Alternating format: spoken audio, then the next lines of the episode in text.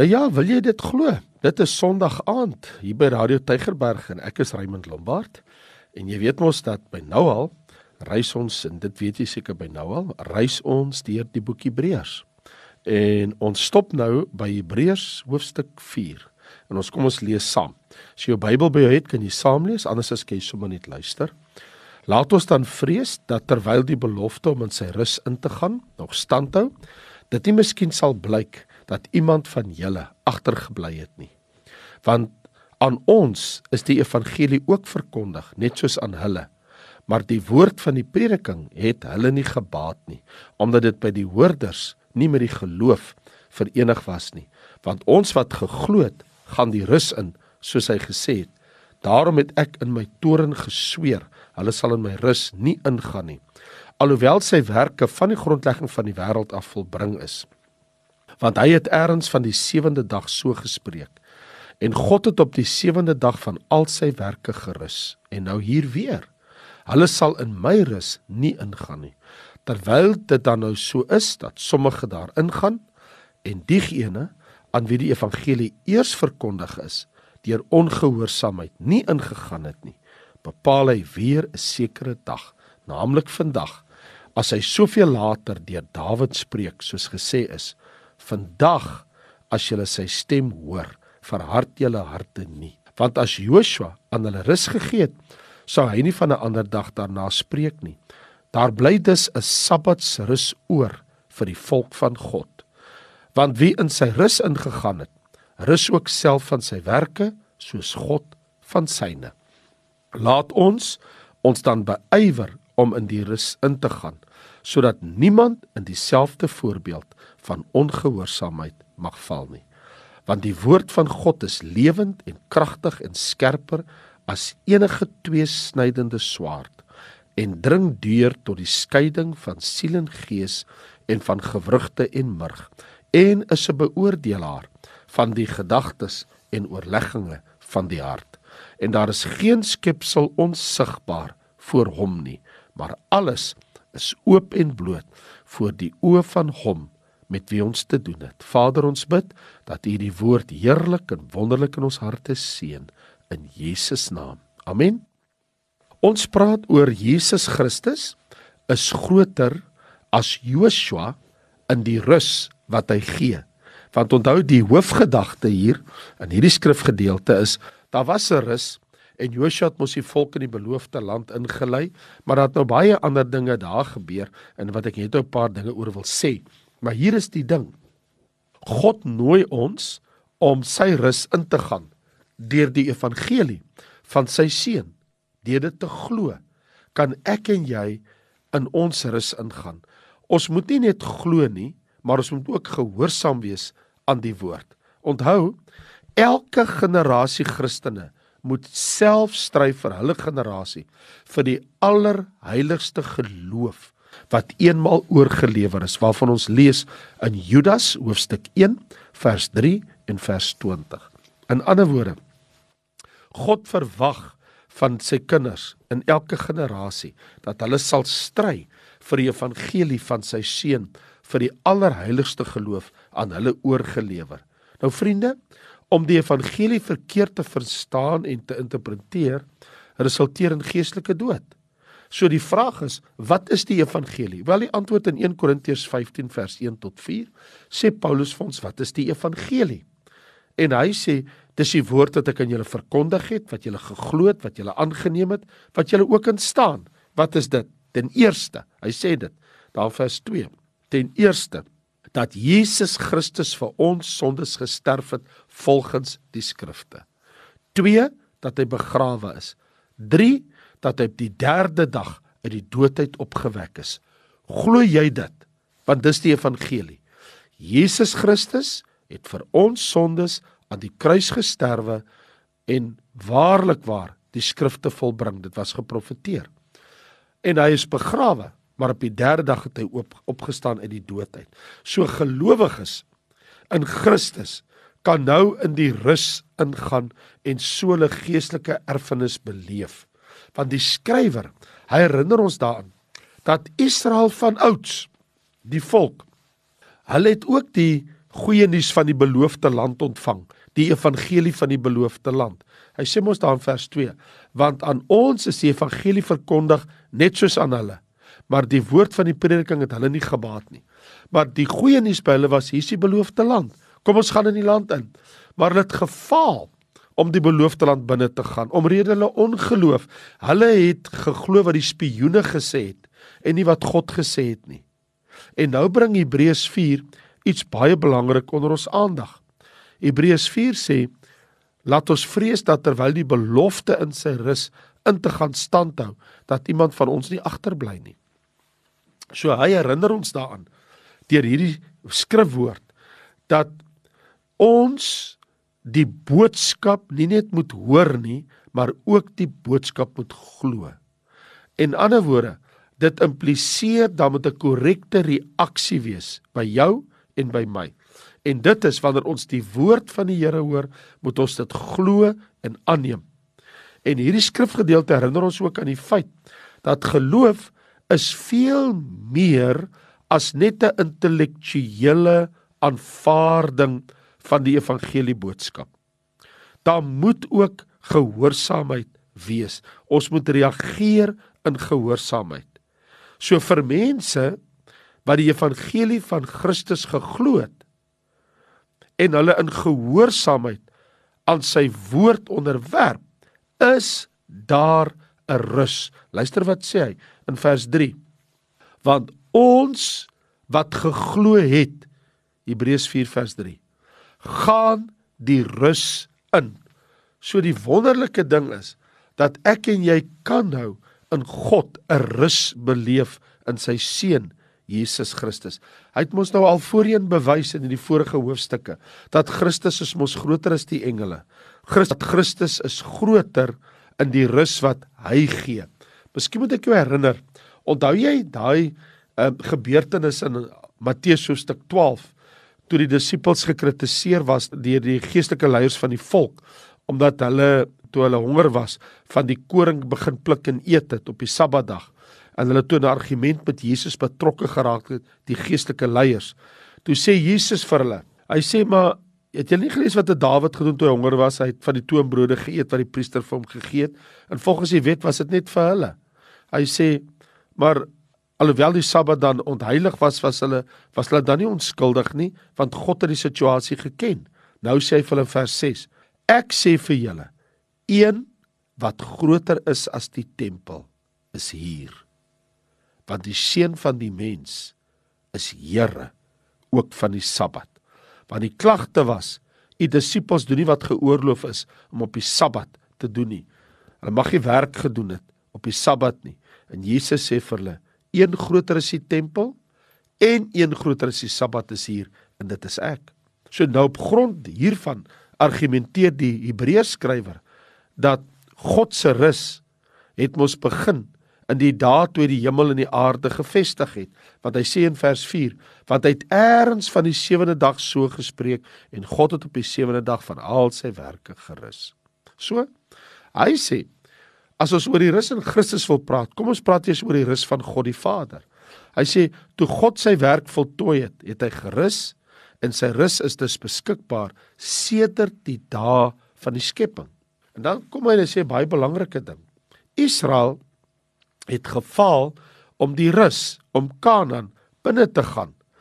En jare later, dit is nou vandag, sê hy, maar vandag as jy sy stem hoor, God se rus is in Christus beskikbaar. So vriende, hier is die analogie. Hier is die vergelyking.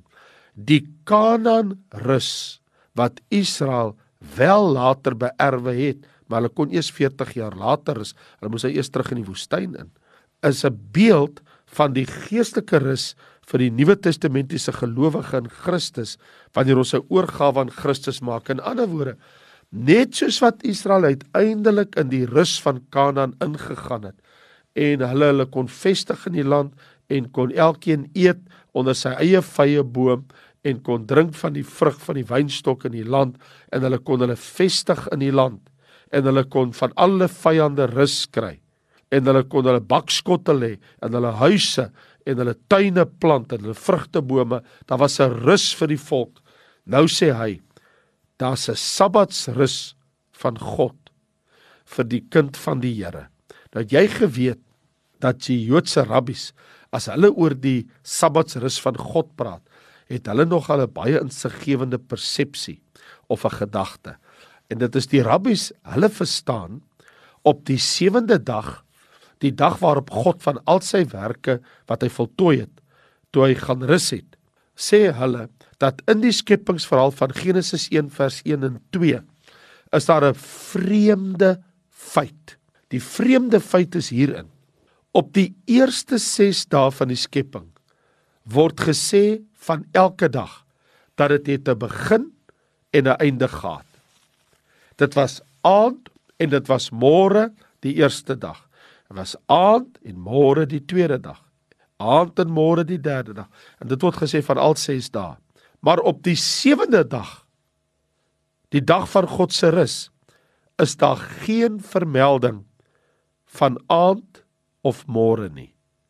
En die rabbi se argument hiervan is dat terwyl al die ander dae die eerste 6 dae van die week tot 'n einde gekom het is die dag van God se rus eindeloos God se rus ken geen einde nie die rus van God is vir ewig maar Israel hulle het weens hulle ongeloof hulle ongehoorsaamheid gefaal om die rus in te gaan Hoor wat sê dan vers 5 en 6. Hulle sal in my rus nie ingaan, sê die Here, terwyl dit soos dat sommige daar ingaan en diegene aan wie die evangelie verkondig is deur ongehoorsaamheid nie ingegaan het nie.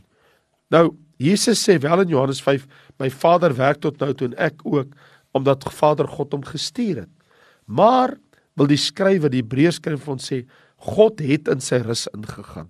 En nou sê in die vers Daarop bepaal hy weer 'n sekere dag, soos Dawid sê, vandag as jy sy stem hoor, verhard nie jou hart nie. So God het weer 'n rusdag bepaal. En daai rusdag is vandag. Hy sê vandag as jy sy stem hoor. So wanneer ek en jy hoor die Here sê vandag, moet ons na Christus toe kom in geloof sodat ons ons saligheids rus in hom kan vind. Hy het mos gesê in Matteus 11 vers 28: Kom na my toe, almal wat vermoeid en belas is, en ek sal aan julle rus gee. So ek en jy het daai rus as kinders van die Here. Ons rus in Jesus Christus. Maar behalwe dit is daar ook wanneer ek my oorgee aan die Here in geloof my aan hom onderwerp dan vind ek 'n onderwerpingsrus in hierdie sin. Soos wat ons sien in Hebreërs 11 vers 28 en 29. Deur die geloof het hy die Pasga gehou en deur die geloof het hulle deur die Rooi See gegaan en was God met die volk gewees om hulle te bring na 'n plek van rus toe. So ek en jy het 'n saligheidsrus en as ons ons aan die Here onderwerp, dan rus ons in die Here. So die eerste rus, die saligheidsrus is ek het vrede by God. Ek het vrede met God. Dit is saligheidsrus. Daar's nie meer 'n stryd nie. Ek het vrede met God. Soos wat Romeine 5 vers 1 ook vir ons leer, so kennelik skryf Paulus daar en dan hy bevestig dit, nê? dat ons het 'n wonderlike vrede is. Hy sê omdat ons uit die geloof geregverdig is, het ons vrede by God deur ons Here Jesus Christus. So ek stel dit aan jou. Jy kan nou die vrede van God nou in jou hart ervaar. Saligheidsrus beteken ek het vrede met God. Maar dan wanneer ek my aan die wil van die Here onderwerp, dan het ek wat ons noem die vrede van God. Hoe bedoel jy nou? Kom ek verduidelik. Filippense 4 sê vir ons in vers 7 en die vrede van God wat alle verstand te bowe gaan sal jou hart en jou sinne bewaar. Hoekom?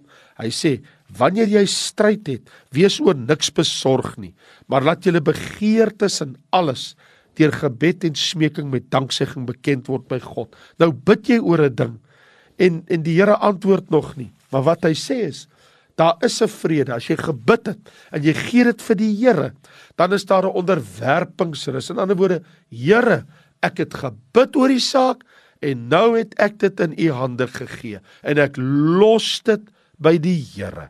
So behalwe my saligheidsrus is daar ook daai onderwerpingsrus. Ek los dit nou by die Here. En dit is so wonderlik, dan lees ons dat die vrede van God vul 'n mens se binneste. So gelowiges in Christus vind dat deur die geloof in Christus het ons die rus ingegaan waarvan hy spreek in Hebreërs 4. Ons het ook deur geloofsgehoorsaamheid het ons God se rus in ons hart ervaar. Alhoewel daar baie woelinge is, alhoewel daar baie stryd is, te midde van die stryd het ek nog steeds diep binne in my vrede. Ek kan dit so stel. Ons gaan die rus in en die rus gaan in ons in. Verstaan jy? Ons gaan in die rus in en die rus gaan in ons in. En nou sien ons in vers as Josua aan hulle rus gegee het, so wat wil hy vir ons sê? Ja, Josua het die volk na 'n rus toe gebring, maar onthou, Christus se rus is groter as die van Josua. Want Josua het die volk nou wel in die land Kanaan ingelei, maar Josua kan hulle nie in die rus van God inlei nie omdat hulle teen God gerebelleer het, omdat hulle wederstrewig was, hulle God versoek het. Nou, hoekom sou God van 'n ander dag 'n dag daarna spreek na Kanaan. Vra die skrywer nou hier in vers 8. Hy sê, "Dat sou hy mos nou nie van 'n ander dag gespreek het nie." En nou sê hy, "Ja, daar is. Daar's 'n Sabbatsrus in die Here." Vers 9. Daar bly dus 'n Sabbatsrus oor vir die volk van God. Nou maar hoe gaan 'n mens in daai rus in? Wel, deur in Jesus Christus te glo en hom te gehoorsaam. So Christus is die Here ook van die Sabbat. Christus is groter as die Sabbat. Sy rus is groter as die Sabbat se rus. Christus se rus is ons rus. Christus is ons Sabbats rus. So ek hoef nie na 'n dag te soek nie. Ek hoef nie te soek na Saterdag. Ek hoef nie te soek na die sewende dag van die week. Christus is volgens Hebreërs skrywer ons rus. Hy sê ons het in God se rus ingegaan toe ons in Christus ingegaan het. So elke kind van God, die kerk van Christus, beleef 'n rus in Christus, maar daar's ook 'n eskatologiese rus. Daar's 'n ewige rus. Daar's 'n rus wat hier nakom, want wie in sy rus ingegaan het, rus ook self van sy werke, soos God van syne sien ons in vers 10. So nogtans wag daar 'n rus die dag van die ewigheid, maar ek en jy is nog nie daar nie. So Wat is hierdie teenmiddel vir ongeloof, vir besluiteloosheid en ongehoorsaamheid? Want hy sê in vers 11: "Laat ons ons dan beywer om in te gaan in die rus." Daar in Hebreërs 4 vers 11. Sodat niemand in dieselfde voorbeeld van ongehoorsaamheid bly nie. So 'n rus wat ons nie kan waag om nie in te gaan nie. Ons moet in die rus van die Here ingaan. Laat ons ons beywer. Laat ons vrees, sê hy. Hy sê laat ons ons beywer om in te gaan. In vers 1 sê hy laat ons vrees. Ander woorde, ons moet alles in ons vermoë doen. Ons moet nie daarvan weghardloop nie. Dis nie 'n vrees wat jou verlam nie, dat jy nie kan beweeg nie. Die Christelike vrees is dat hy doen alles tot sy beskikking met ywer om in die rus van die Here in te gaan. En hoe beveg ons dit? Deur die woord van die Here. Hy sê vers 12, die volgende vers, want die woord van God is lewend en kragtig en skerper as enige tweesnydende swaard van siel en gees, van gewrigte en murg en is 'n beoordelaar van die oorlegginge en die gedagtes van die hart. So hierdie heerlike goddelike lewende woord van God is onverzoenbaar met stagnasie in die lewe van die Christen. Die woord van God is die teengif vir ongeloof en ongehoorsaamheid. Die woord van God vlek ons hart oop voor sy alsiende oog. Let op. Die skrif, die woord is soos 'n skalpel, soos 'n vlamskerp instrument in die hand van 'n chirurg, in die hand van God om geestelike chirurgie in ons hart te doen. Die woord van God is God se skalpel. Hy sny in ons harte. Ja, saam met dit. God gee ook aan ons die gawe van die skrifte, sy woord dat ons kan volgens sy woord optree, nie in ongehoorsaamheid nie, maar in gehoorsaamheid. Ons hoef ook nie soos hulle nie die rus in te gaan nie. Ons kan in Christus se rus vandag ingaan. Nou jy weet, soms wanneer 'n krimineel weggelei word vir die oordeel of die teregstelling, dan word 'n skerp dolk. Het dit in die ou dae, uh, baie baie jare gelede, het hulle soms het hulle 'n skerp dolk met die punt opwaarts reg onder die ken van die persoon gevestig want hulle hom vasgemaak het vir sy teregstelling. Want die persoon kan glad nie nou sy kop laat sak nie. Almal kan sy gesig sien. Hy kan nie sy kop in skaamte laat sak nie. In die einde my vriende moet ons almal die oë op God hou ons kan nie ons gesig wegsteek in daardie dag want vers 13 sê geen skepsel is onsigbaar voor hom nie, maar alles is openbloot voor die oë van hom met wie ons te doen het. Mag die woord van God ons harte so penetreer, so verander, so aanraak dat ons in die rus van Christus kan ingaan. En daar kom 'n dag vir elke mens wanneer sy oë die oë van God gaan ontmoet en daai dag kan niks weggesteek word nie. Ons is in die voortreffeliker een, Jesus Christus. Ons het in sy Sabbatsrus ingegaan. Vader, dankie vir die rus in Christus Jesus. Amen. Vriende, ek groet vir jou. Ek is Raymond Lombard. En volgende week reis ons verder in die boek Hebreërs. Goddelike seën vir jou en 'n geseënde aand. Totsiens.